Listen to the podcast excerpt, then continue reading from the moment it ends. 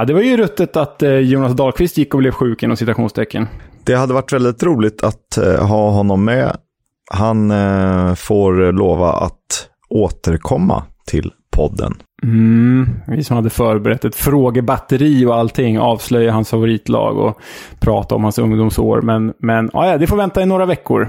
Han dyker upp. Det är ganska fint att få höra dig och mig. Ja, ja det tycker du och jag i alla fall. Självgoda narcissister som vi är. Nej, jag lyssnar aldrig på podden i efterhand. Jag or orkar inte höra min egen röst. Har aldrig orkat. Kommer aldrig orka. Nej, det är rätt, eh, det är rätt motbjudande. Man borde så här, köra, kunna slå på en funktion, typ muta sig själv om man är med i podden. Så hade jag bara kunnat höra dig i ett helt avsnitt. Det hade, det hade jag gått med på. En tech-entreprenör skulle kunna fånga upp det och göra någon stor business av det. ja, verkligen. Vi säger väl eh, välkomna då. Let's take it away.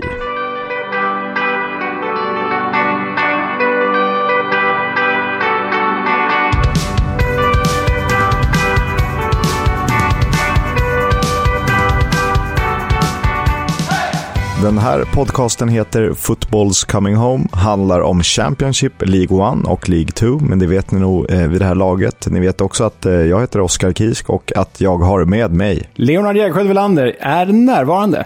Härligt. Eh, klubban är slagen. Vem är ordförande egentligen? Av oss två? Ja. Eh, eh, jag lämnar gärna ifrån mig ansvaret. Det får bli du. Jag kan vara vicekapten. Du har ju mer en kaptensaura i med din eh, långa mittbacksstil. Eh, ja, jo förvisso. Men det kommer bara sluta med att jag står och skäller på dig istället. Så det, jag vet inte hur bra det blir för lagmoralen. Det är bättre. Det gör, vi gör som Warnock. Vi, vi gör Tarapt till kapten. Exakt. Intressant helg som gick. Eh, och den ska vi absolut eh, prata om. Ja, det var, det var, alltså innan vi går in i matcherna på, på, på djupet måste jag bara säga att när jag kommer från en sån här Champions League-jobbvecka när man bara jobbar 12, 13, 14 timmar om, om dagen med Champions League-matcher, vilket är fantastiskt roligt också. Jag älskar ju all fotboll. Men då missar man ju liksom den här som vi varit inne på. Jag missar ju ganska mycket av veckomgången i The Championship. Det blir mest highlights för mig. Men då har jag märkt att jag grottar ner mig extra mycket i den helgomgång som kommer sen.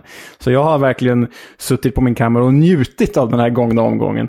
Eh, mycket fotboll blir det ju i hemmet Jägersjö Welander. Ska vi börja med eh, höjdarmötet då? Eller ett av höjdarmötena.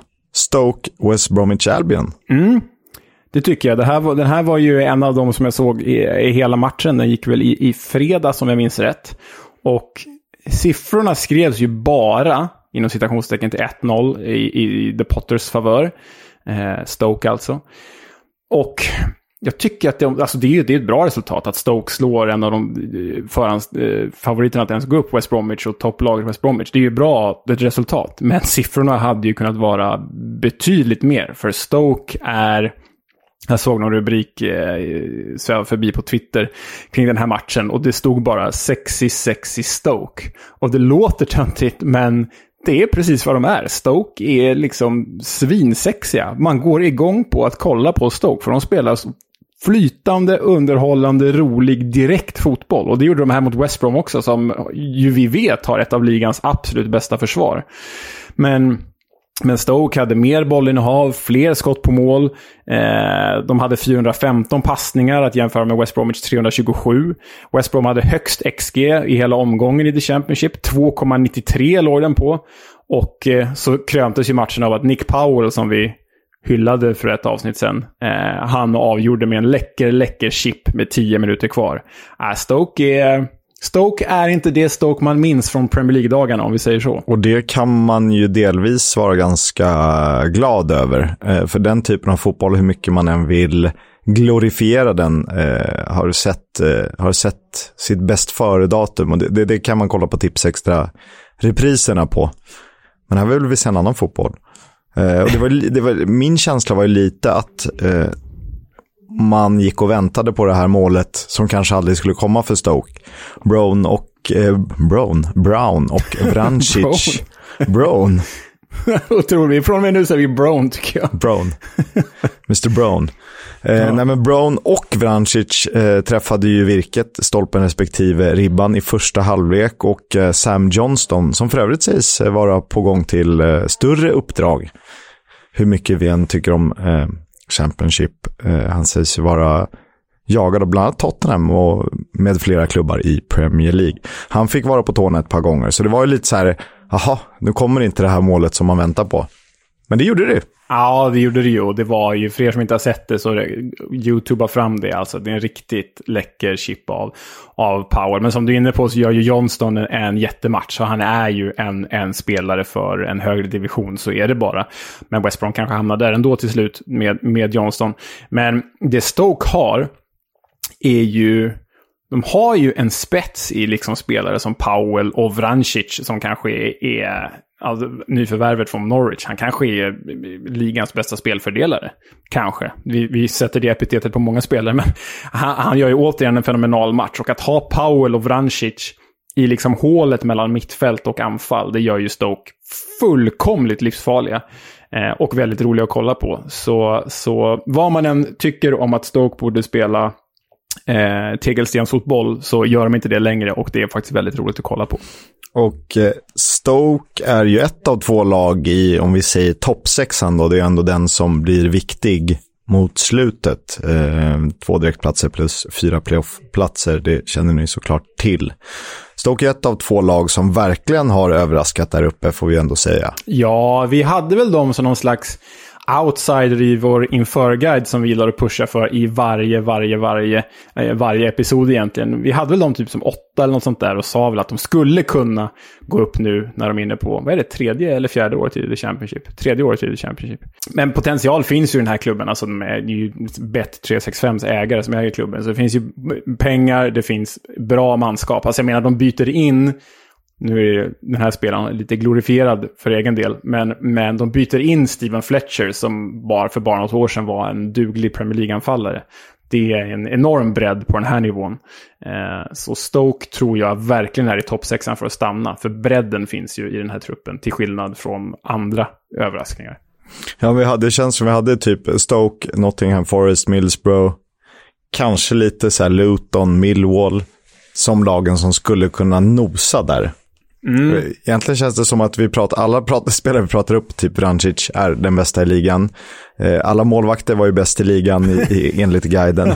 Många utmanare. Jag tror att vi är lite för kära i den här produkten. Jag tror att vi, lite, vi tycker lite för mycket om det vi gör för att kunna sätta någon negativ stämpel på, på något som inte är Reading. Men det får vara så fina Robin Friday. Det var många som eh, ja.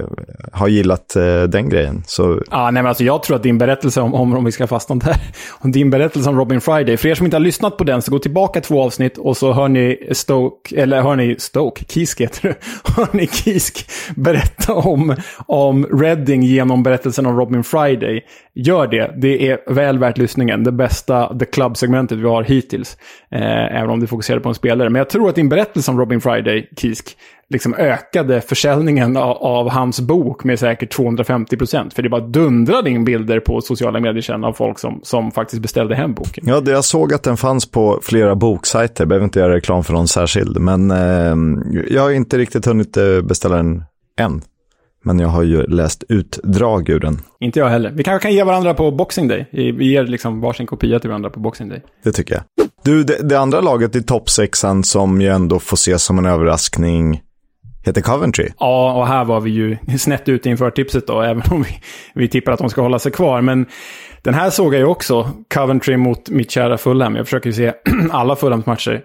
Jag, jag, jag, vi kan väl säga så här att jag tar på mig Fulham-glasögonen på den här matchen, du tar på dig Coventry-glasögonen. Men eh, Fulham åker alltså till överraskningen Coventry som en ja, men, klar to toppaspirant. Låg väl bara ett poäng från, från serieledning inför den matchen tror jag. Tar också ledningen på ett tveksamt ledningsmål. Det är hörna som McFadzian eh, eh, nickar in i eget mål efter att ha blivit knuffad ganska eh, hårt av Mitrovic. Hade inte klagat om domaren hade dömt bort det, det målet, för Mitrovic är ju väldigt bufflig där.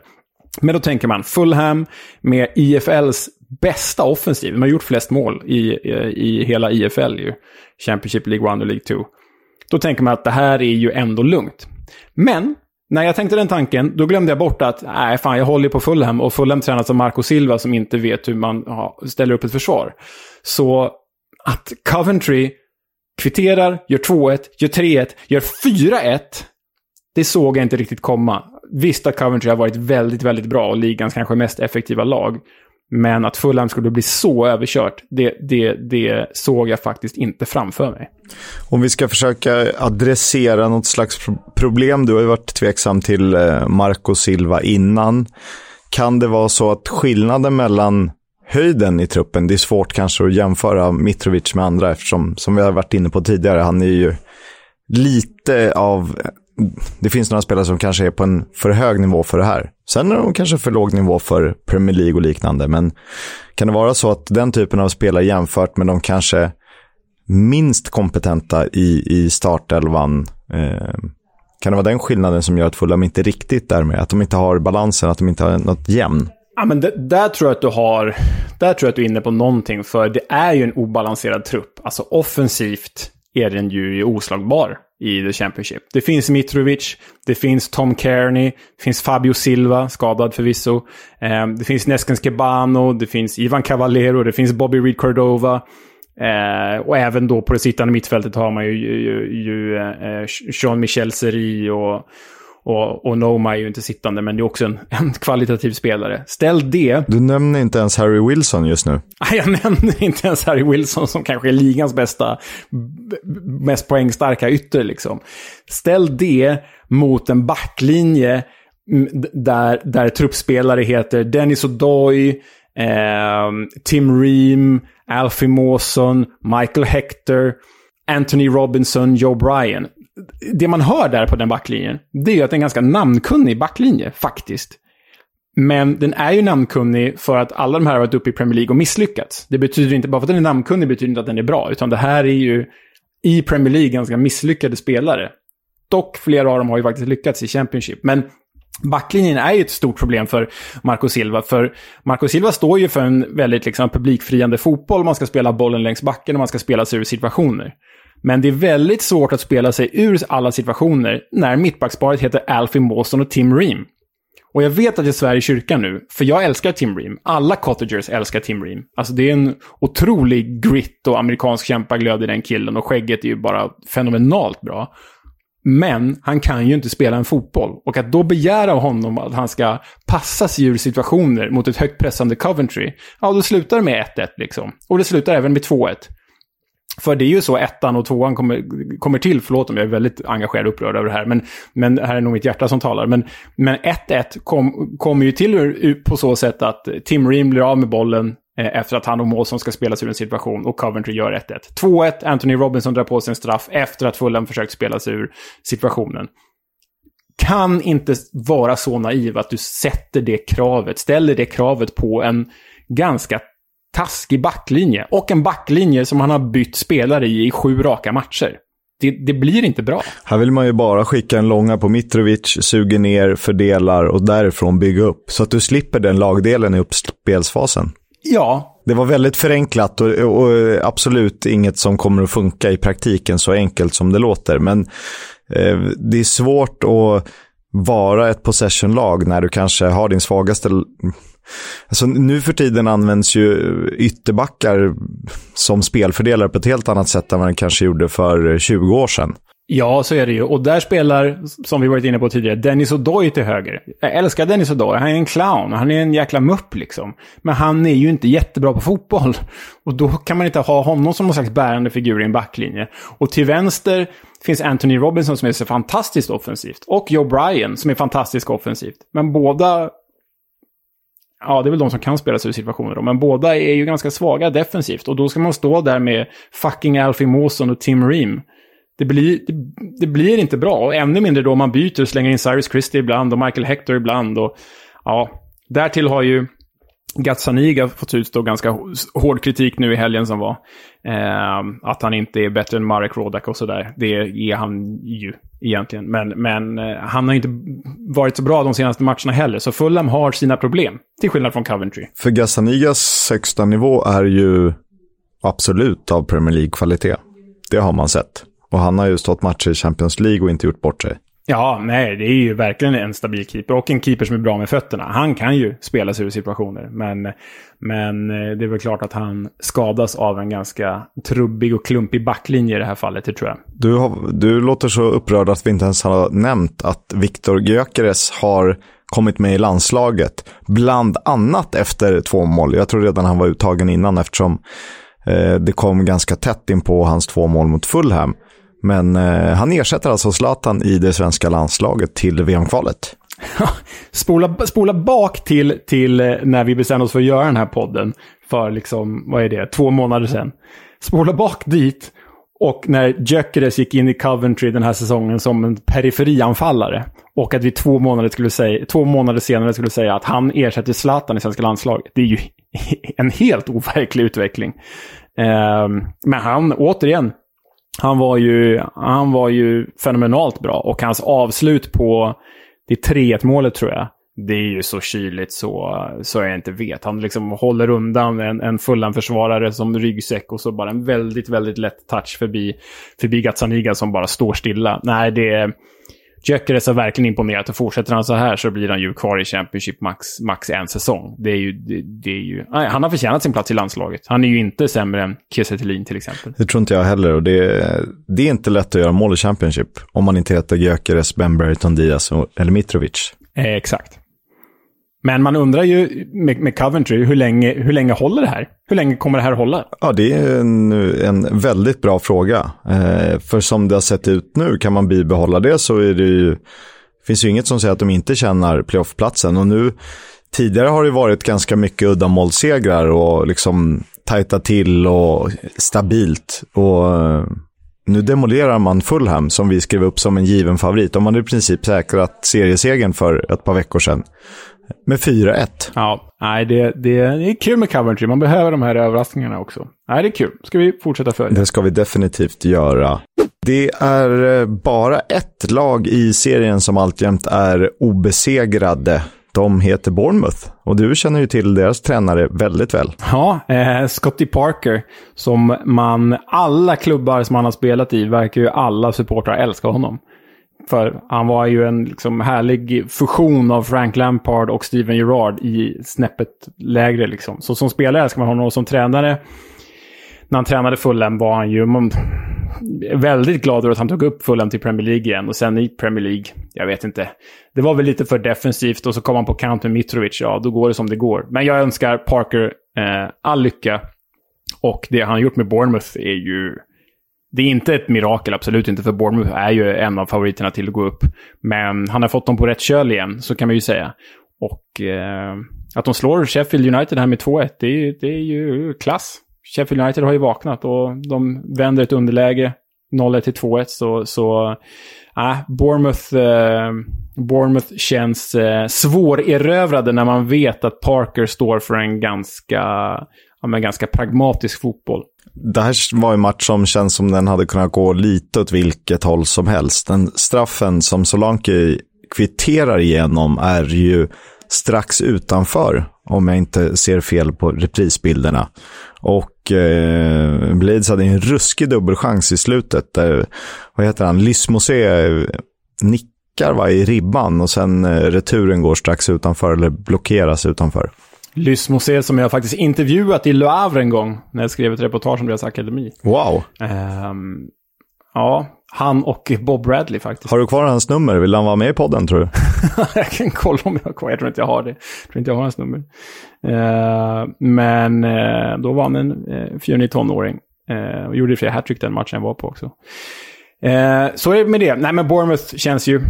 Gillar man att Bournemouth är bra Känner man någonting för Bournemouth eller gör man inte det? Jag sitter och funderar här om, på, på, på vad man känner för Bournemouth. Eh, jag gillade ju Bournemouth som lag under Eddie Howe. Jag tyckte att de var charmiga i, när de liksom klättrade.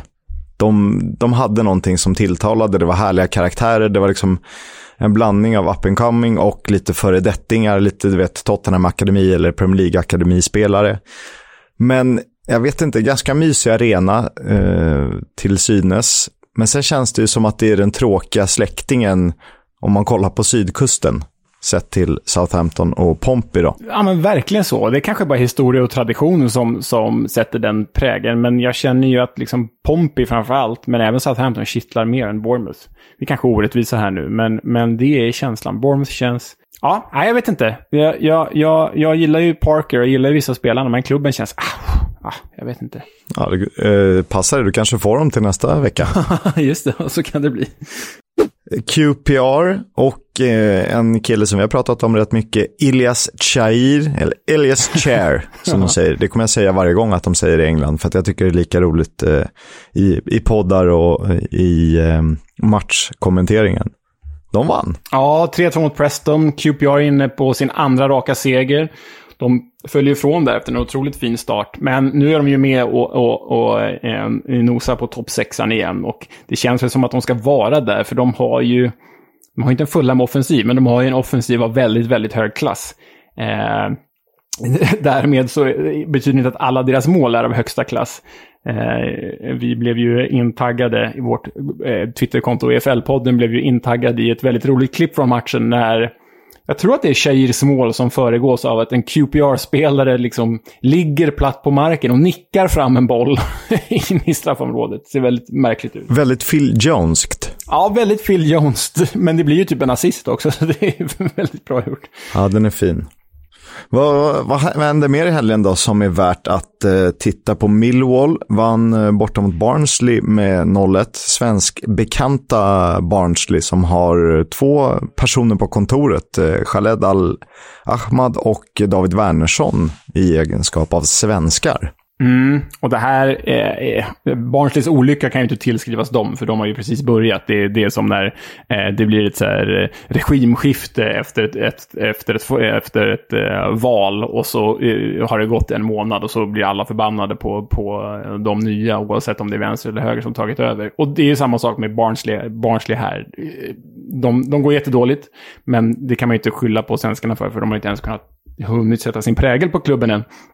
Men, men det ser ju inte bra ut för Barnsley, som var ju fjolårsfemma när amerikanen Daryl Dickey dundrade in, amerikansk, amerikan-nigerianen ska man säga, Daryl Dickey dundrade in mål.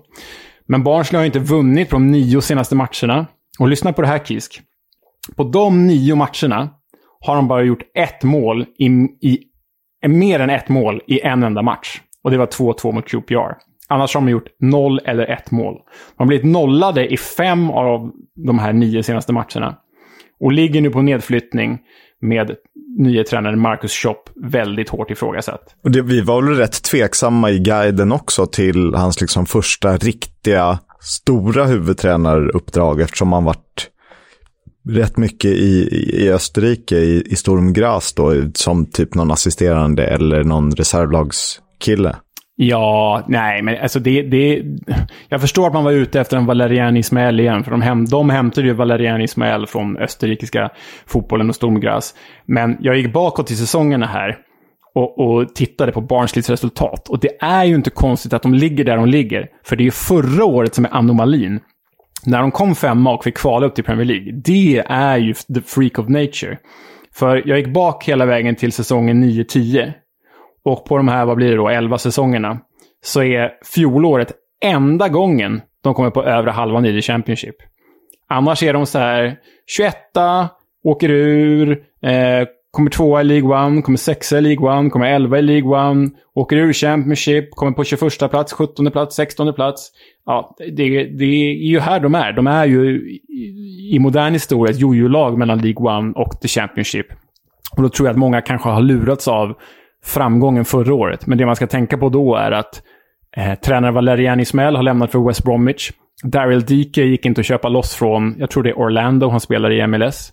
Och Alex Mowat har flyttat till West Bromwich. Så ja, det, det är nog en nedflyttningskandidat det här. Det ser nog ut att bli så. Um, tufft för Barnsley. Vi får hoppas att de repar sig så vi kan uh, få tag i Wernersson. Han har lovat att vara med. Uh, det ska nog vara inom ett par veckor.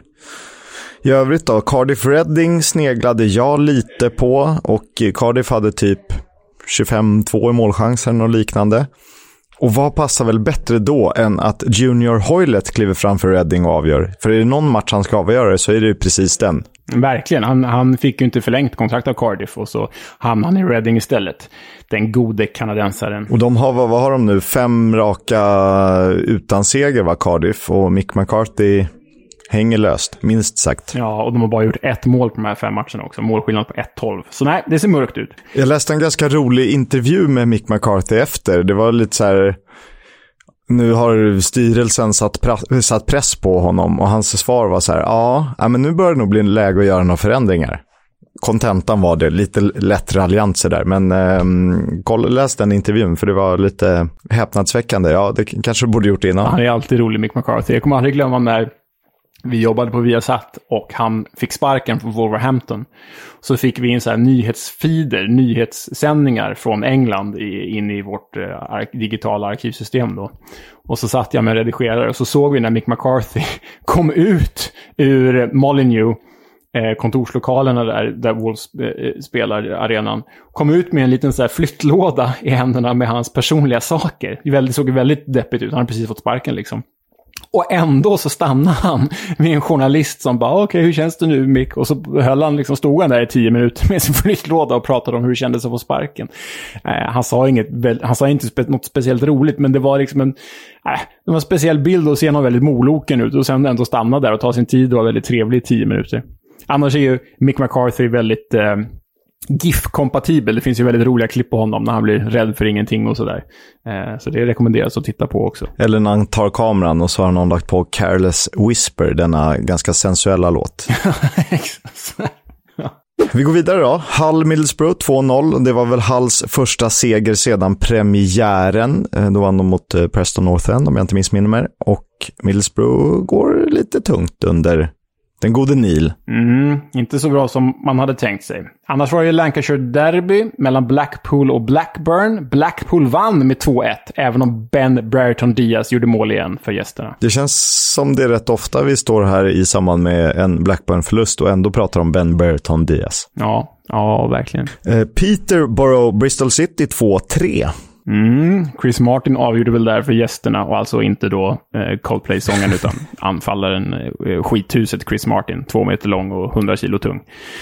Eh, Luton Huddersfield 0-0. Och Luton ska vi prata mer om sen. Eh, Derby Swansea 0-0. Swansea, eh, som jag ju vill tro ska lyfta någon gång, måste ju snart börja göra det innan jag och många andra ska tvivla. Men eh, många tror på Russell Martins process. Mm. Poäng igen för Derby, det är ju starkt. Birmingham, Nottingham Forest 0-3. Birmingham nu fem raka matcher utan seger, gjort ett mål på de fem. Och Forest har sen eh, tränarbytet, sedan Steve Cooper kom in, tre segrar och ett kryss på fyra matcher med en målskillnad på 9-2. Jag tror att Forest kommer smygande upp här i tabellen nu. De behöver lite nytändning och det är, ja, vi är ju fel ute på vissa, rätt på vissa. Nottingham har vi ju förmodligen varit ganska rätt på. Kanske lite överdrivet positiva i början. De kommer lyfta. Sheffield United kommer ju lyfta på sikt. Jag ser det som oundvikligt i alla fall med den truppen. Verkligen. Det håller med. Jag instämmer. I topp då, Bournemouth på 25 poäng. West Brom tvåa med 22, eh, skuggas av Coventry, trea på 22 poäng, Stoke är fyra på 21, Fulham femma på 20 och sexa är QPR med 18 inspelade poäng. Och i botten har vi tagit med de, eh, de eh, fyra längst ner, även om det är bara tre som åker ur. Men eh, fjärde sist, Hull, 9 poäng. Tredje sist Barnsley, 8 poäng, alltså under strecket, svenskklubben. 23 plats, näst sist, Porsche, 8 poäng. Och tabelljumbo, Derby, 2 poäng. Då ska man komma ihåg att de då har minus 12. Eh, så egentligen har de tagit 14 och eh, de riskerar ju ännu mer minuspoäng. Jag vill minnas det som att vi i guiden hade Derby 24 och Peterborough 23. Ja, ja, men det är många matcher kvar. Ja, det är det. Och Fulham ska ju vinna här enligt min analys. Exakt. Skytteligan då. Gyökeres eh, är på en tredje plats och ovanför sig har han Mitrovic med 10 plus 3. Berton Diaz 10 plus 1. Gyökeres 3 alltså 9 plus 2. John Swift 7 plus 5 på en fjärde plats och Solanke har också gjort 7 mål. Han har gjort en assist. Han är femma. Ska vi kika lite League One? Ja, men det tycker jag. Det är ju kul med en tät tabell där. Alltså Wigan och Benjamin Kimpiokas Sunderland delar ju eh, serieledningen där med 22 poäng var. Det är spännande och som vi har eh, pratat om lite, det är en rätt matig League One. Det är, en, alltså det är en, vad ska man kalla det, det är en tung League One. Det är härliga klubbar med. Ja, men ändå är det inte så många av de tyngsta med i topp. För sen är det ju trea, Plymouth Argyle. Finns det ett bättre namn i hela IFL? Plymouth Argyle. Alltså det är så bra Kisk. Känn på det. Alla ni som sitter och lyssnar där hemma, bara säg det. Plymouth Argyle. Och sen har, det har vi ju en koppling till kanske nästa vecka. Mm. Vi har ju bokat in eh, Bojan Djordjic som gäst. Och då tänker folk, vadå? AIK och, och BP, vad ska han göra? Men han har ju spelat i Plymouth Argyle. Och han är jättetaggad. Han skickar sms med massa Plymouth-ramsor till mig hela tiden. Så det blir kul. Det blir roligt. Eh, vi har ju haft med ja. Eh, Victor Johansson i podden. Hans eh, Rotherham ligger fyra. Om vi, om vi stannar lite vid svenska EFL-målvakter så måste vi lyfta hans framgång med Rotherham. Det är faktiskt bara så att ett lag har släppt in färre mål i League One än Rotherham. Och eh, det är Ben Amos, som man väl säger tidigare i Manchester United. Men vem har hållit flest nollor? Jo, Victor Johansson i Rotherham. Mm. Sex stycken nollor på elva matcher. Det är bra. Det är bra. Vi gillar Victor. Honom ska vi återkomma till vid andra tillfällen. Det ska vi absolut. Sen är det ju då eh, skugga Rotherham i Wickham på femte plats, 20 poäng. Och eh, här borde eh, vår kära producent eh, Kevin Bader eh, lägga in ett, eh, en unison buande kör, massa burop när jag säger nästa klubb. För även om vi är opartiska journalister så är vi i det här fallet kanske inte helt opartiska. För på sjätte plats ligger MK Dons. Det är väl kanske inte vår eh, favoritklubb, förutom Dele Alli då, som... ja, nej, det är ju inte, inte någons favoritklubb, förutom de som bor i Milton Keynes, som kanske inte ens de. Eh, och för er som inte vet vad det handlar om så är det ju eh, väldigt kortfattat att eh, Wimbledon, gamla klassiska fina Wimbledon, eh, eh flyttade ju, tvångsflyttades av, av ägaren och blev MK Dons istället. Så det gillar vi inte. Massa buljud, bu Kevin, hoppas vi att du lägger in. Övriga svenskar på tionde plats, Joel Mumbongo som var med förra veckan i Accrington Stanley. Och eh, tredje keepern i landslaget, Pontus Dahlberg, är fast förankrad som tabelljumbo med sitt Doncaster. Han har det tufft för att han gör ju, han har ju typ gjort mer än dubbelt så många räddningar som Victor Johansson hittills i League One. Eh, men det verkar vara också ett försvarsproblem, så jag tror inte det bara är Pontus Dahlberg vi kan skylla på. Han är väl en av få som har fått hyfsat bra betyg i det där laget. Exakt. Eh, det var lite Championship och League One och jag tycker att vi pratar om lite nyheter. Have you not been watching? I haven't! Leo, kommer du ihåg Brian Roy?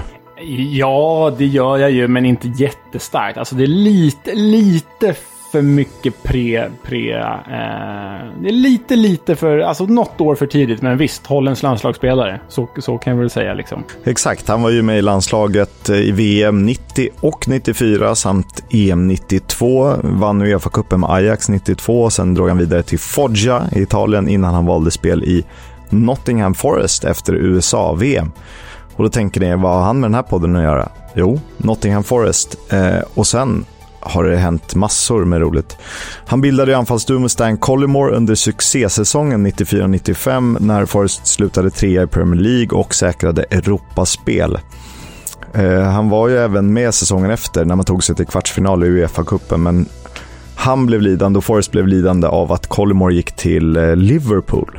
Efter karriären var han ungdomstränare i Ajax i, tror jag, 13 år, men nu har livet tagit en liten ny vändning för honom.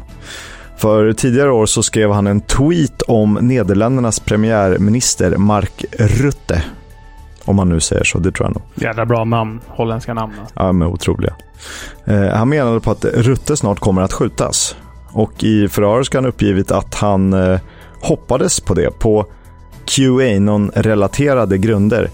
Jag är inte helt bevandrad i QAnon, men jag tror jag förstår vad det är. Att eh, vissa det är väl någon slags högerextrem rörelse som tror på någon slags konspirationsteori mot eh, världsledare, typ Hillary Clinton, Barack Obama, påve Franciscus och Dalai Lama och liknande och tror att det är någon slags satanistisk sekt som eh, förgriper sig på barn eller lik liknande. Ja.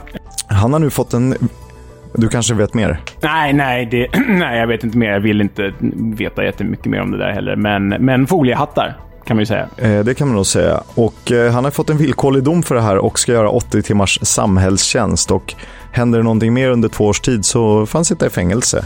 Det är tydligen inte för första gången han svingar på Twitter heller. Det har ju förekommit en del konspirationsteoretiska tankar kring covid-19, föga förvånande, med mera.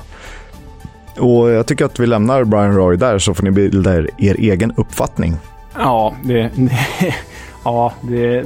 Mm, mm, ja, det, det trist att eh, vissa människor landar där ändå. Så är det, tycker jag i alla fall. Det får stå för dem. Annat i nyhetsväg, nyhetsväg så vi låter ju som en eh, trasig CD-skiva här, men vi kommer väl i princip hela säsongen behöva uppdatera eh, om Darbys eh, situation, för det händer ju saker hela tiden.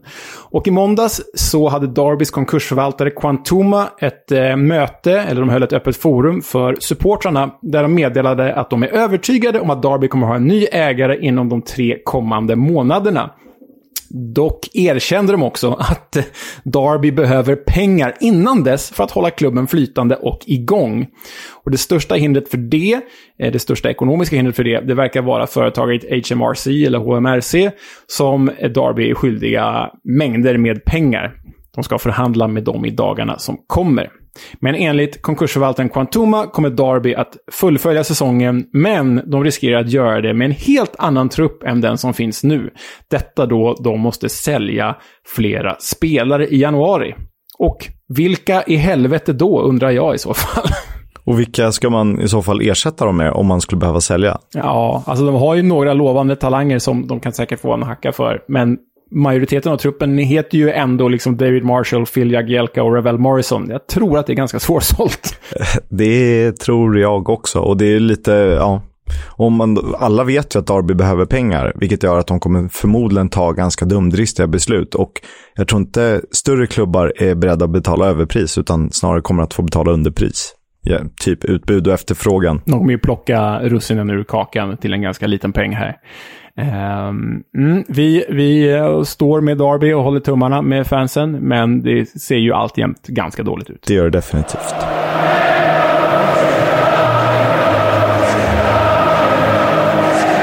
Footballs Coming Home sponsras av Stryktipset, ett spel från Svenska Spel, Sport och Casino. För dig över 18 år. Stödlinjen.se. Landslagsuppehåll på tapeten, det har ni ju koll på, alltså ingen Championship-fotboll. Men kupong finns det och jag tittar närmare på match 4 mellan Skottland och Israel. Eller egentligen på en, på en spelare som ska frälsa The Tartan Army. Lyndon Dykes heter han, vi har tidigare kallat honom Championships bästa namn. Mål i två raka 1-0-segrar för det skotska landslaget och bara sex spelare har gjort fler poäng per 90 minuter i Championship. Han är ju stjärnan på topp i QPR, trots ett anfall bestående av Charlie Austin, Chris Willock och Andre Gray.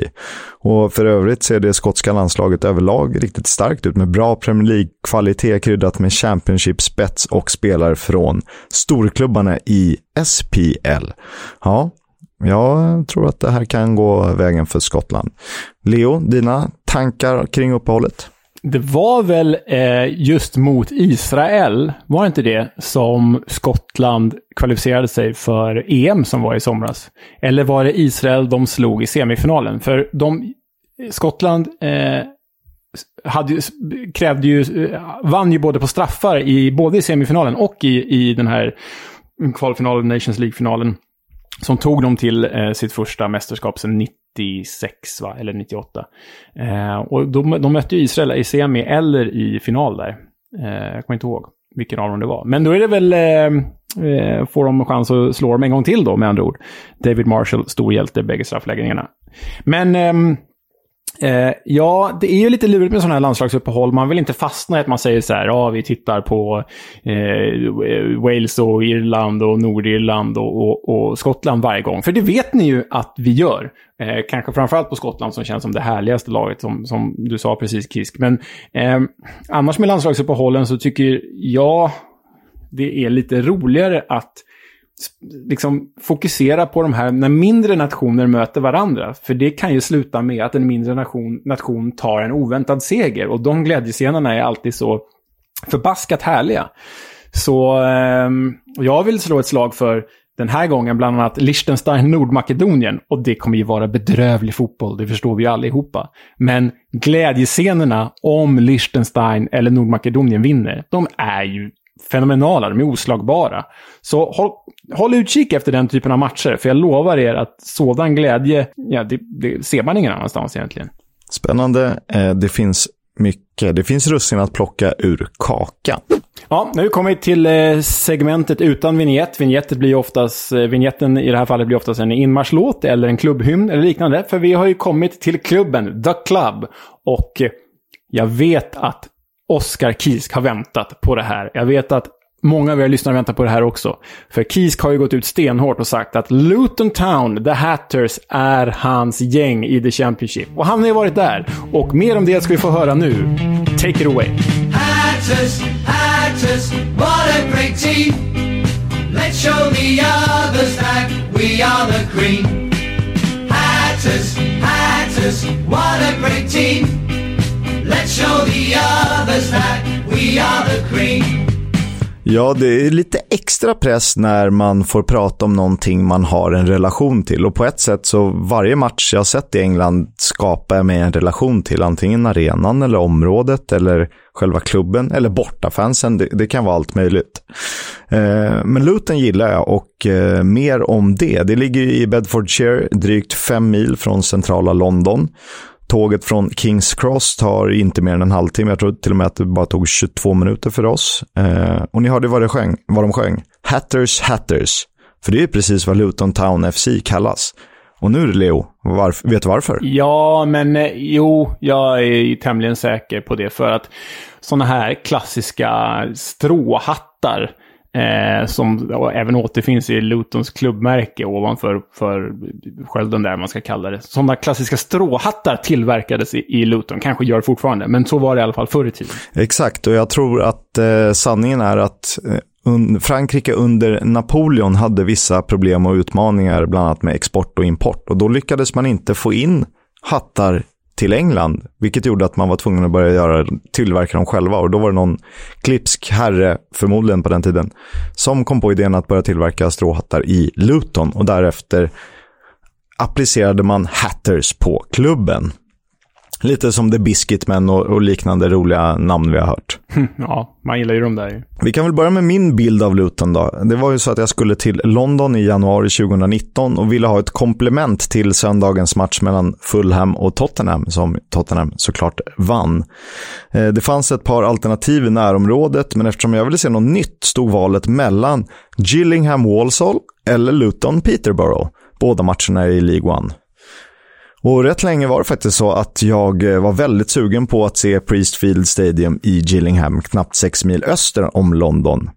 Men efter eh, noga funderande och lite historietittande så föll valet på Kenilworth Road. Och det ångrar jag inte en sekund.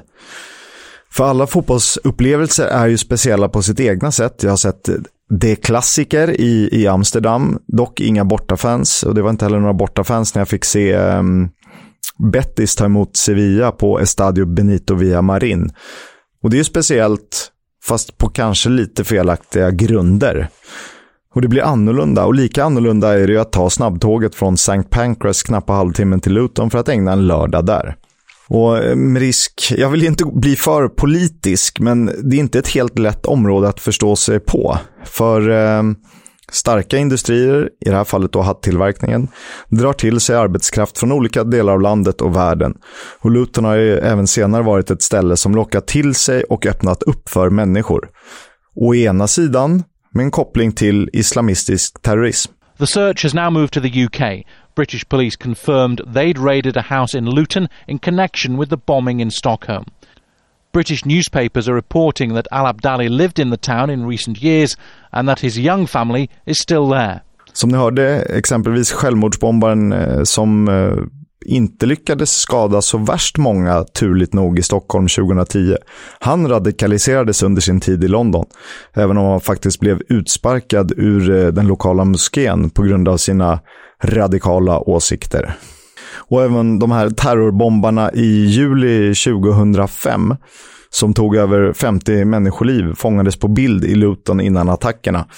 Och det fanns någon slags koppling till eh, området Luton. Samtidigt grundades högerextrema English Defence League av Stephen Christopher Yaxley, mer känd som Tommy Robinson i Luton. Och där det finns människor finns det motsättningar, eller något i den stilen. Tommy Robinson är faktiskt ett taget namn med inspiration från en gammal Luton-huligan, en kille från Men in Gear. Ganska fyndigt namn ändå får man ju säga. Ja, alltså det, det, det du säger här, eh, Oskar, det är ju en jäkla soppa. Och, och, det här är ju bara att skrapa på ytan. Så, så man förstår ju att eh, det finns många bottnar i, i Luton och eh, en fotbollsklubb är ju spegling av ett samhälle. Så det här ska bli eh, intressant att höra mer om.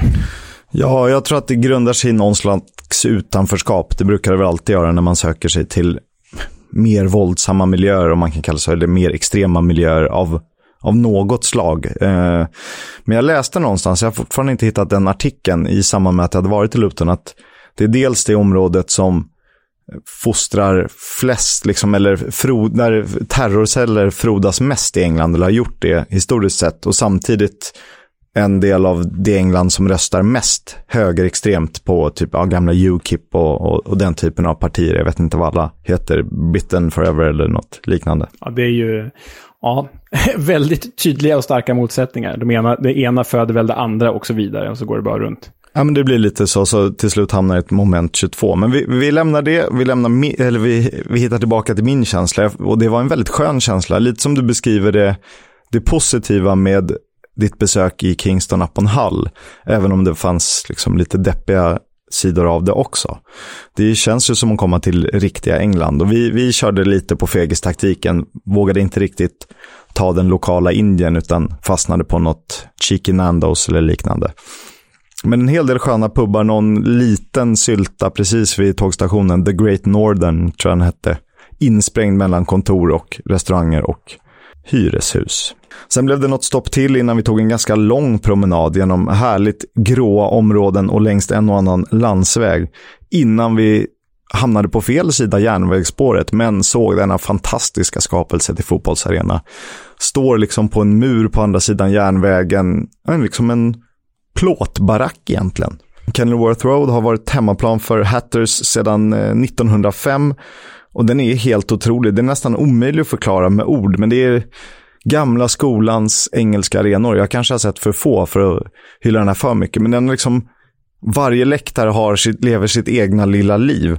Och jag antar att de flesta av er har sett bild på ingången till Oak Stand. Den måste ju nämnas. Där entrén helt enkelt är vägg i vägg med eh, folks portar till eh, lägenheterna.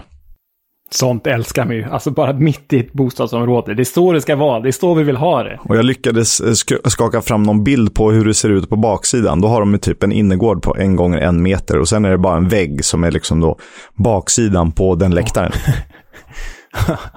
Otroligt. Och sen får vi inte glömma att eh, Kenilworth Road var en av fyra arenor med konstgräs när det var hett på 80-talet. Vet du vilka som var först med konstgräs i engelsk fotboll? Det här har man ju hört eh, massa gånger och liksom ett namn som alltid kommer till mig när, när man får den här typen av fråga. Det är ju Tottenham, men Tottenham var väl typ med, först med floodlights eller långa shorts eller något sånt där. Så, så nej, jag vet faktiskt inte. Nej, Tottenham har aldrig haft eh, konstgräs vad jag vet. Men det var faktiskt QPR som var först med konstgräs. Mhm, okej. Okay. Lutons konstgräsplan lades 1985 och det var ganska speciellt år för eh, tidigare under det året så ägde en av engelsk fotbolls mest ökända händelser rum. And the scene still going on after the final whistle here. Supporters, or so they would call themselves, they're not, have gone across and started to throw seats out of the stand, adding to the scene of devastation and unrest which the police are trying to control. To say that uh, in a week when the Chelsea crowd trouble is going to be investigated by the Football Association, there's another major inquiry needed here. And something, as we've said before, sooner or later has got to be done to try to prevent people like this spoiling the football for others. It's getting uglier and uglier out there. There's now an invasion from behind the goal, which has added to it, and other people are coming onto the pitch. Saw before the match and what we're seeing now, they're outnumbering the police horribly. Dreadful scenes at Luton möter Millwall i FA-cupen och det är fullskaligt upplopp innan, under och efter matchen. Och de flesta av er har väl säkert sett den här klassiska bilden “The game will not restart until the pitch is clear”. Luton Town vann förvisso matchen med 1-0, men fick inte ta emot bortasupportrar under fy- fyra säsonger. Blev stoppade från att delta i ligacupen efterföljande säsong och fick till följd medlemskrav på matcher, vilket är ganska vanligt numera då. Och Kenilworth Road blev sedermera en all-seater. Det var ju när alla arenor i England skulle ha enbart sittplatser och ingen ståplats. Det börjar ju luckras upp lite nu, vilket är rätt härligt. Konstgräset plockades bort 91 och både Premier League och Football League har ju förbjudit klubbar från att spela på konstgräs. Som det borde vara. Eh, Ja, men exakt. Det kan man ju tycka. Sen Ja, exakt. finns det ju fog, men det ska vi inte diskutera när vi pratar om Luton, för nordliga klubbar som kanske slipper spela på en åker. Matchen eh, jag såg mot Peterborough bjöd knappast på kravaller, men däremot på fyra mål. Tre inprickade av irländske målspottaren James Collins. Tragikomiskt nog, under tiden som Kenilworth Road hade konstgräs var Luton som starkast. Under manager David Pleat byggde man ett eh, starkt Hatter som slutade 9, 7 och 9 under tre säsonger i mitten på 80-talet i Division 1, det som nu alltså är Premier League. Och trots att Pleat drog till Tottenham lyckades man bärga ligacupen 87-88.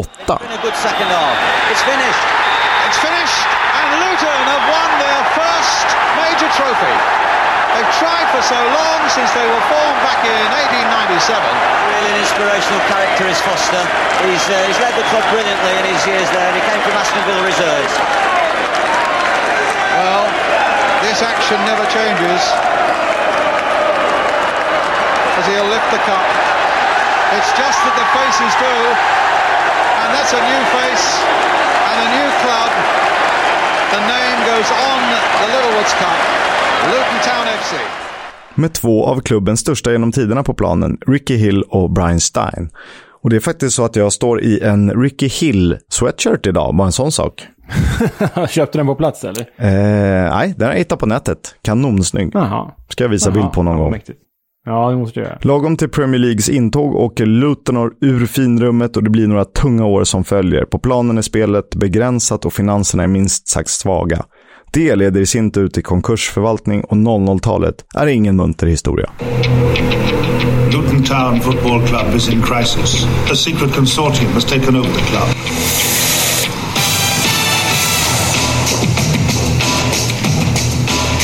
Property developer John Gurney is the public face of the consortium. He has had dealings with at least four other football clubs. Oh, Hans, call you right back. During secret negotiations, Luton Town was allegedly sold for four pounds.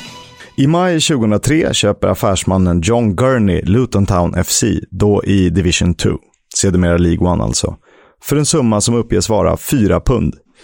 Detta eftersom tidigare ägaren Mike Watson Challis behövt göra sig av med klubben på grund av enorma förluster månad efter månad. Köpet görs med påstådda internationella investerare i ryggen, men deras identiteter lyckas aldrig röjas.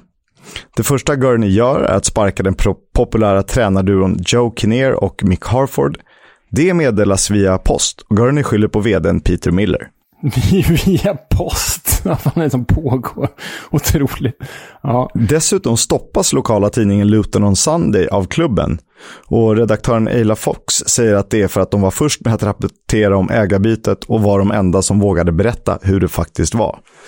John Gurney hade stora planer, såklart. Han ville bygga en ny arena till klubben med plats för 70 000 åskådare och en Formel 1-bana. En arena som skulle delas med lag från NFL och NBA. Det låter verklighetsförankrat det där. Exakt. Och som grädden på moset så tyckte han att eh, man borde byta namn till London Luton Football Club så att kopplingen till flygplatsen skulle bli tydligare. tydligare. Åh, oh, gisses, vilka megalomaner det finns alltså. Ja. det kommer mera. Han väckte en gammal idé till liv där Luton och Wimbledon skulle slås ihop. Den affären stoppades redan på 80-talet. Som tur var gjorde den det även i det här fallet. Och sen blev ju Wimbledon MK Dons något år senare, som ni har koll på. Och dårskapen tar fortfarande inte slut. To win the fans back, John Gurney has come up with an extraordinary idea. We've got to find an acceptable way of having a new managerial appointment made without being seen to give way to the mob. So we've come up with the idea of manager idol based on pop idol. Everyone, from the fans and players to the shareholders, can vote for a manager. Welcome to the Luton Town Manager Hotline. Thank you for voting for Joe Kinnear. Hot favorite Joe Kinnear was recently sacked. När en ny manager skulle utses lät han skapa ett slags idol där folk fick ringa betalsamtal för att rösta på vem som skulle leda laget. Gurney själv hade redan föreslagit Terry Fenwick, men det stoppade supportrarna första gången. Och förutom Fenwick fanns sju alternativ att rösta på. Joe Kinnear igen, Nigel Clough, Steve Cotterill, Stuart Pearce, Mike Newell, Gardner Spears samt Gudjon Tordarsson. Och till runda två återstod tre kandidater, Kinnear, Cotterill och Newell. Och det sägs att eh, Joe Kinnear ska ha fått 82 procent av rösterna, men vägrade att leda Luton under Gurney. Och Cotterill tackade även han nej offentligt. Så det blev Mike Newell som vann Manager Idol. Ja, men alltså, det,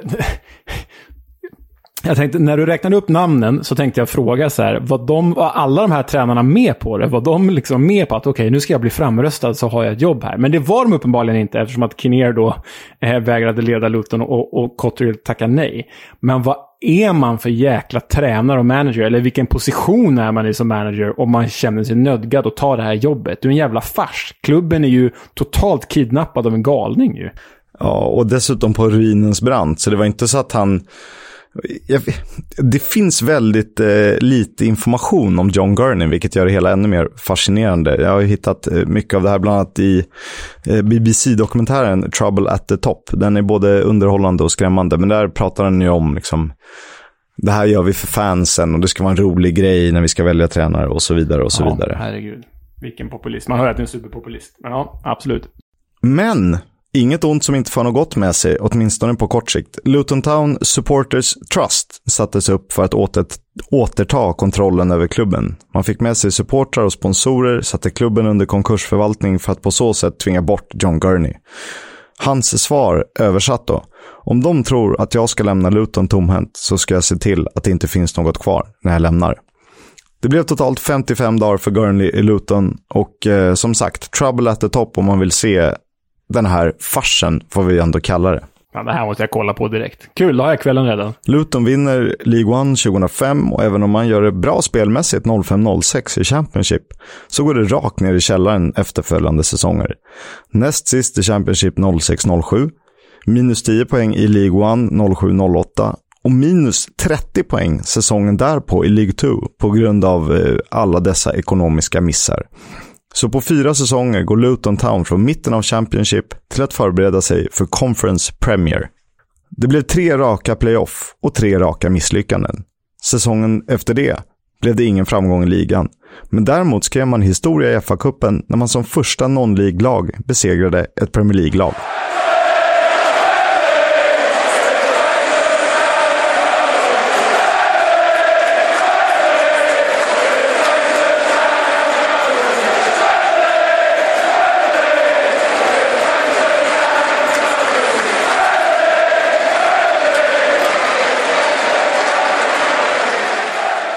Och det blev ju fjärde gången gilt för Luton i Conference Premier. Där vilken anfallare låg bakom succén under uppflyttningssäsongen? Och ni andra får börja tänka, några av er kanske redan vet. Född 1991, gjorde 30 mål på 44 matcher, har spelat för två Premier League-klubbar, tillhör fortfarande ett Premier League-lag men är utlånad till en Championship-klubb. Jamaicansk landslagsman, men har gjort C-landskamper för England. Ska jag svara på det här? Ja, det, finns det någon annan som kan göra det? Jamaicansk landslagsman som tillhör en Premier League-klubb men utlånad till en Championship-klubb. Är det... Fan, Cameron Jerome har väl inte gjort landskamper för Jamaica? Det är inte Cameron Jerome. Nej, han är ju i Luton nu väl.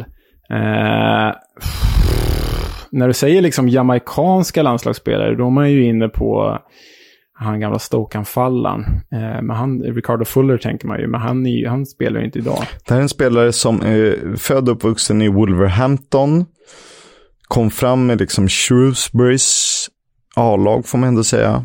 Man tänker liksom, när du säger Wolverhampton, då tänker man Sylvan Ebanks Blake, men han spelar inte fortfarande. Man tänker Nathan Ellington, han spelar väl inte fortfarande. Han gjorde ju inga matcher för Wolverhampton, utan han spelade liksom där väldigt tidigt, upp till typ 13 års ålder eller liknande. Sen Shrewsbury, Aha, aha. sen eh, Hinkley United, sen i Luton då i Conference Premier.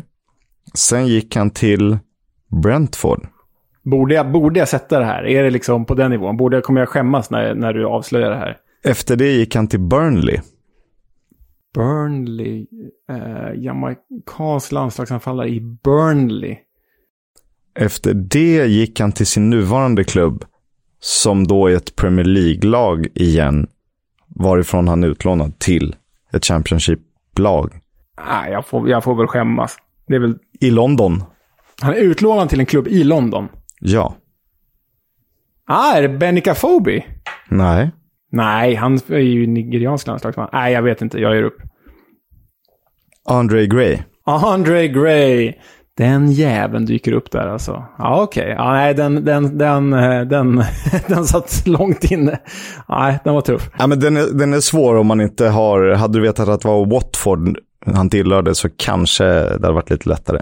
Ja, ja äh, den, eh, den var... Ja, hatten av till alla som lyckades ta den. Jag ger mig. I fold. Eh, och Luton var alltså en Football League-klubb igen till säsongen 2014-15. Vi gör ett litet hopp till januari 2016. Efter ett par år i Brighton and Hove Albion som assisterande och caretaker väljer Nathan Jones att ta sitt första permanenta huvudtränaruppdrag i Luton Town. Han gör det riktigt bra under våren 2016 och sin första hela säsong vid rodret tar han Luton Town till en fjärde plats och playoff i League 2. Förlust mot Blackpool, men fortsatt förtroende. Och det skulle löna sig.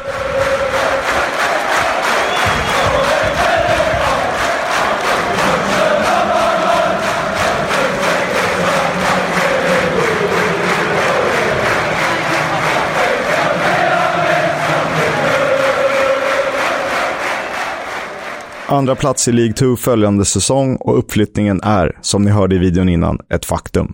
Som om inte det vore nog. Säsongen därpå, alltså samma säsong som jag ser dem besegra Peterborough på Kenilworth Road, springer man hem League 1 och vem, om inte James Collins, vinner skytteligan. Och det är rätt roligt när man ser att flera spelare från den tiden är kvar. IK Frej-bekantingen Sonny Bradley. Visste du att han har spelat IK Frej? Som vi måste ha som gäst. Vi, må, ja, vi måste ha någon Ja, som men det gäst. löser vi. Sen har de ju Pelly Ruddock Pansu, Harry Cornick, formstarke Luke Berry, James Shea, Glenn Ree, Danny Hilton. Det ska dock sägas att Nathan Jones lämnade klubben i januari för att testa vingarna i Stoke. Januari 2019 alltså. Jag var på hans första match som Stoke-manager. Stoke Leeds. Han vann med 1-0. Pontus Jansson utvisad. Nej, 2-1. Eh, Pontus Jansson utvisad. Det kan man inte tro att han skulle ha blivit ponne. Nej, nej. Men 18 månader senare var han tillbaka och Luton är nu ett hyfsat stabilt lag i Championship. Bara fyra klubbars trupper har lägre marknadsvärde än Lutons enligt Transfermarkt. Och man har en relativt smal lönebudget, det är inte många som har lägre än Luton. Jag tänker att vi går vidare. Du vet ju, och jag vet ju, det är väl bara en svensk som har representerat Luton va? Ja, den enda man kommer på är ju Björn Runström. Ju. Exakt, som eh, hade svårt att ta plats i Fulham och fick ett korttidskontrakt med eh, Hatters. Han spelade väl sju eller åtta matcher. It's, uh, it's a good result for us. Bjorn got back into the game and, and Drew's, it's, it's all his goal, the second goal, you know, the, the go down as own goal. We've got a, a young side out, we're missing a backbone of experienced players. Um, and if we miss them for the rest of the season, then, then the, the younger lads have got to learn quick. Mike Newell hyllar Runa efter segern mot Sheffield Wednesday 2007. Runström, som jag tror numera är fotbollsagent, håller låg profil efter karriären, så inga kommentarer om tiden på Kenilworth Road från honom. Förlåt att jag avbryter här, men jag, jag vet inte om eh, eh vi avslöjat det här i podden, men, men jag intervjuade ju Runström eh, när vi jobbade på Viaplay, eller på Viasat. Eh, så intervjuade jag ju Runström om hans tid i Fulham. Och eh, han bjöd ju på det mest otroliga citat jag någonsin fått fram, fått fram i en intervju av någon spelare. För han berättade om sin tid i Fulham. Eh, så här sa han om sin tid i Fulham. Eh, Fulham är en perfekt klubb om man vill chilla lite och ta det lugnt. Vad sa han då om Luton då? Ja, eller hur? Det är ett sånt jävla citat. Det säger, ganska, det säger en del om Fulham, men det säger mer om Runström själv. Har du koll på övriga svenskkopplingar som finns till Luton? Fan, du sätter mig verkligen på pottan idag. Jag får säga nej igen. Känner mig riktigt topig. Vi börjar nummer, nummer ett då. Electrolux. Eh, sedan man slagit sig samman med Axel Wennergren och börjat tillverka dammsugare behövde utöka produktionen för att möta efterfrågan. En av enheterna för merproduktion landade i Luton. Och Luton Town har ju haft Electrolux som tröjsponsor i mitten av 00-talet. Jaha, fan vad fett. Och när svenska kullagerfabriken öppnade sin första fabrik utomlands hamnade den i Luton. Och även SKF har synts på Lutons tröjor under 90 och 00-talet. Oj, en sån tröja vill man ju ha ju. Bara för att det är märkligt liksom. Vad roligt. Verkligen, men de snyggaste tröjorna om vi ska bli personliga, det är ju lite längre tillbaka i tiden. Det är när de har sina Bedford Trucks. De har Adidas-tröjor, långärmade. Ja, de är helt sanslöst snygga. De finns knappast att få tag på, men de är... Ricky Hill hade, hade ju den tröjan bland annat. För att knyta ihop säcken, vi har ju pratat om känslan i områden och välmående i engelska städer. Jag gillar känslan i Luton, det verkar inte alla boende gör, göra, för att tidigare år gjordes en undersökning över vilka engelska orter och städer som är värst att bo i. 125 000 personer deltog och ditt kära Hull hamnade på femte plats. Luton låg sjua på listan. Två Championship-städer toppar, det är Peterborough och Huddersfield. Jag känner att vi måste åka dit.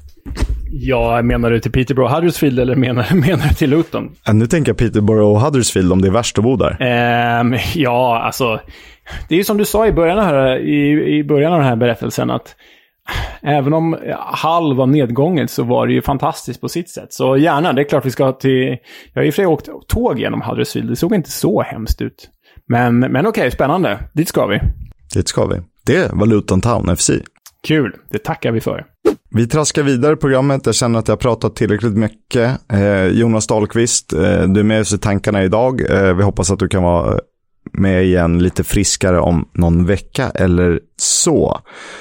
Vi har ju haft ett segment lite då och då med spelare som vi tycker att ni borde hålla ett extra öga på. Den här veckan ska vi se vem det är i Remember the Name. Ja, men jag tänkte att eh, jag skulle jag tänkte att jag skulle gå i, i spåren av din eh, trevliga Luton-berättelse och faktiskt plocka fram en Luton-spelare som eh, man kan hålla ögonen på. En spelare som spås en större framtid. Och eh, det är ju nämligen så att ett av sommarens mest uppskrivna nyförvärv i The Championship, det var just en Luton-värvning. För Carlos Mendes Gomes skrev på för The Hatters den 26 juni och nämndes redan då som ett av de mest spännande namnen inför den här säsongen. Oh, it's um, it's an incredible moment for me and my family. Obviously, signing for Luton Town is, you know, um, a big step moving forward. Um, I like the project. I think that is a club going only one direction, and I want to be part of it. Och det här sa alltså Carlos Mendes Gomez när han presenterades av Luton. Han tackade sin familj, som ni hörde. Och det gör ju en del människor förstås. Men det är ju också väldigt typiskt honom och hans historia. För visserligen är allas historier knutna till deras respektive familjer, men det är ju väldigt mycket tack vare hans familj som han har hamnat här. För även om Carlos Mendes Gomes inte riktigt levererat hittills sedan han kom i somras, han har väl bara gjort en 6-7 matcher tror jag för Luton, och noll mål, så är han ändå rätt speciell. Carlos Mendes Gomes köptes nämligen då i somras för en oansenlig summa från Morecamp, eller som de också kallas, The Shrimps. Otroligt emblem. Otroligt emblem, det är en jävla räka. Och vet du vad som är så speciellt med Morecamp och The Shrimps? Förutom att det är typ en helt utdöd räkindustri på västkusten. Men, men eh, vet du vad som är... Det var det jag hade tänkt svara. Nej, okej. Nej, grejen är att de har ju en räka som emblem. Kallas för The Shrimps. Men deras maskot är en svart katt som heter Christy the Cat. Varför har de inte en räka på två ben? Det hade ju varit det bästa Jag maskoten någonsin. Jag vet, men var, varför? Så jävla konstigt. Ja, ja, det om Morecambe. Han värvades därifrån i alla fall. 22 år gammal, ytter. Och det var Carlos Mendes Gomez som bokstavligen sköt upp Morecambe i League One i våras med 15 mål på 43 matcher. Men vägen till The Championship har varit väldigt brokig för den här ynglingen som bland annat representerat Morecambe och Atletico Madrid. Carlos Mendes Gomez föddes i Jömböl, eh, ja, reservation för uttalet där, i Dakar i Senegal. Eh, hans familj är dock inte senegaleser, utan från den något mindre afrikanska nationen Guinea-Bissau, gammal portugisisk koloni. Och, och eh, arbetet hade tagit... Vad fan sa jag? Ack. Därför klippa bort Kevin. Och det var arbetet som hade tagit eh, Carlos Mendes Gomes pappa till Senegal. Och det skulle föra honom och familjen vidare därifrån. För blott bara ett par år gammal så flyttade Carlos Mendes Gomes med hela sin familj till Lanzarote, Kanarieöarna och Spanien. Detta då pappan hade fått jobb inom bygg där. Och som så många andra barn och som så många andra blivande fotbollsspelare så började ju Gomes spela fotboll där på Kanarieöarna. Det gör ju inte alla barn, men just han började på Kanarieöarna. Ehm, det här tog honom vidare till Madrid, dit han flyttade själv vid 15 års ålder. Han började då spela ungdomsfotboll i Getafe. Och en säsong senare hade han imponerat så pass mycket att han faktiskt kritade på för Atletico Madrids ungdomslag. Och vad som då såg ut att vara en väldigt lovande talang och lovande utveckling. Det bröts bara. Han fick aldrig chansen riktigt i Atletico Madrid för att pappan skaffade jobb i England då han ville att hans barn skulle få bästa möjliga utbildning. Så från ett ungdomskontrakt i Atletico Madrid så gick flyttlasset istället till Salford och England. Och Carlos Mendes Gomes, som inte kunde ett ord engelska, eh, han hade problem med att acklimatisera sig till sin nya verklighet. Och därför spelade han faktiskt inte fotboll på ens ett helt år. Det är lite lustigt det här, för att eh, vi andra pluggar ju för att vi inte är tillräckligt bra, men drömmer om fotbollen. Här är ju en som är tillräckligt bra, eller åtminstone nä- nära inpå, som junior, men måste börja plugga. Ja, verkligen. Tar honom från, från Atletico Madrid också. Det är helt sjukt. Men eh, ett år senare, 18 år gammal, så börjar Carlos Mendes Gomes spela för det lokala Manchesterlaget West Didsbury and Chorlton. Chorlton kanske man säger. West Didsbury and Chorlton. Och de spelar då i Northwest Counties League Division 1 South. Och det motsvarar tionde divisionen i England. Här har man ju en chans. Här har vi en chans, ja. Det, kän det känns som att du och jag kliver in i Northwest Counties League, Division 1 South. Men föga oväntat gjorde Carlos Mendes Gomes succé där, samtidigt som han gjorde succé för Manchester College där, och deras fotbollslag, och där han pluggade. Så pass stor succé att Morecambe, då i League 2, upptäckte honom. I maj 2018 skrev han på för The Shrimps och de två första säsongerna agerade han mest inhoppare och utfyllnadsspelare. Men den tredje säsongen fick han sitt stora genombrott, alltså förra säsongen. Då han i eh, League 2 sköt upp Morecambe till League 1 för första gången någonsin i klubbens historia. Detta då han satte en straff i 107 minuten av kvalfinalen mot Newport County på Wembley. Scores! A single kick of a ball that could mean so much!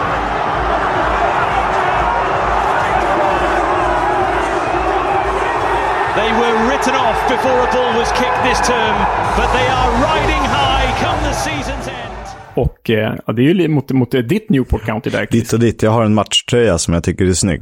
Men vi, eh, mitt lag är Wales kan vi säga. Ja, ditt lag är Wales. Men eh, föga oväntat så eh, blev han ju då också vald till årets spelare i Morecambe av supportrarna.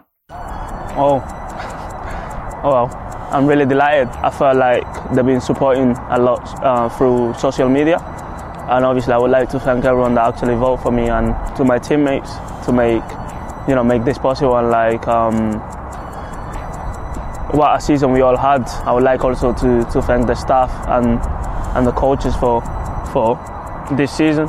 I think that I've improved a lot and I learned a lot. Så även om Carlos Mendes Gomez inte har levt upp till hypen än i The Championship, så lovar han väldigt gott. Och i England och i Luton går man liksom bara runt och väntar på hans definitiva genombrott här i The Championship.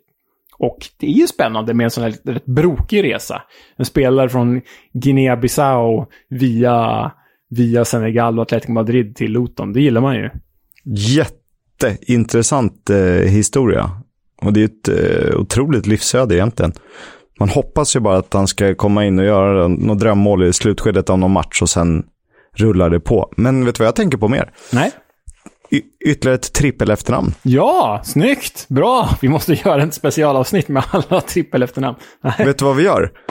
Vi, eh, vi utlyser en tävling. Vi eh, sätter ihop din bästa trippel efternamnselva i eh, Championship. Man får League 1 och League 2 också till stöd vid behov. Mm. Och eh, vinnaren får åtminstone ett omnämnande i podden. Och det gör man via Twitter, EFL-podden och inget annat. Även om det är roligt att skriva om och läsa för er om klubben som vi kallar segmentet så har vi ett annat favoritsegment. Det är det vi brukar avsluta podden med. Det heter ju veckans Warnock. We'll have a chat about the fucking game. About your game, last few months, last few weeks. Fucking character. Fuck. Jag börjar lite med att eh, prata om Middlesbrough-supportrarna som sjöng Sacked in the morning i samband med att Hull besegrade Borough. Warren också svar. I don't mind that. If anybody can do better, good luck to them. så ja. Han är så luttrad nu. Fan, man måste ha hört det där mängder med gånger. Alltså. han vet vad man ska svara. Ja, det är klart. Ja. Ja, det, han kör nog eh, vet du, klipp och klistra på det svaret. Ja, verkligen. Eh, men medan du plockade fram det citatet så var jag och grävde i arkivet och hittade eh, ett klipp från Sheffield United-tiden där han säger till den gamla Sheffield United, gamla Blades-anfallaren Danny Cadamarteri, säger man va? Danny Cadamarteri. Där han eh, säger till honom att eh, ta en jävla dusch. Before the game, Warnock's main source of concern is over striker Danny Cadamarteri. Yeah. Bloody hell, I want you ready, lads, in about a minute, lads, eh? Sorry about that. One, two. Danny, go and get in bath, son. Go and out to it so I don't sit. That'll make me feel sick if I look at you. There's a good lad. Run a bath and just stop in there. Oof. I don't like injured lads around the dressing room. I don't like anybody moving around the dressing room when I'm, when I'm going to talk. Det är otroligt och eh, samtidigt kan man ju förstå honom lite med att han inte vill ha skadade spelare i omklädningsrummet. Om det kanske inte bara är en skrockgrej från hans sida. Ja, det blir ändå så jäkla hårt. Han ser så utlämnad ut, här Danny Cadamarteri. Han vill liksom sitta och vara med och bara, jag är en i gänget och bara, nej, gå och duscha för helvete. Ja, och det är, han, det, han, det är inte minsta till, tillstymmelse till att sitta kvar heller. Nej, nej, nej, nej. det är ju direkt, okej okay, boss, okej okay, gaffa. Ja, det är bra. vi tackar eh, Neil Warnock för att eh, han finns ändå, det måste vi göra. Vi gör ju det. Och sen vill vi tacka er, er som har lyssnat på den här podden. Ni är eh, otroligt härliga och kul att ni hör av er och taggar in oss i klipp eller grejer som vi kanske, mot förmodan, har missat. Tack också till Stryktipset som är med och sponsrar den här podden. Ja, och nu är vi på väg att glömma det igen. Det, det, är, nästan, det är nästan som att vi, vi gör det medvetet, men det är faktiskt så att vi typ glömmer det varje gång. Vi följer körschemat för slaviskt. Men, men du måste ge mig ett gäng att snacka om till nästa vecka.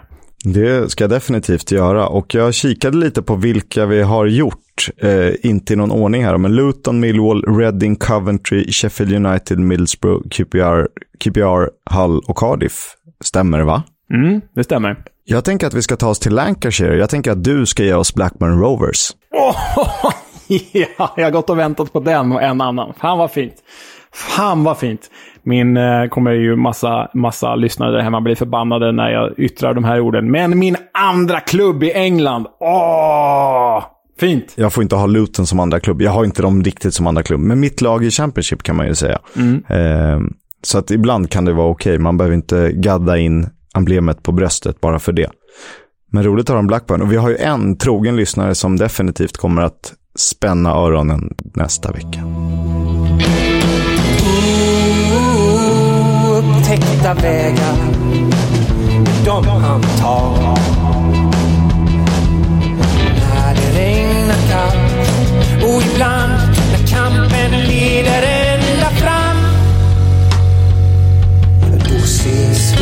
Vi på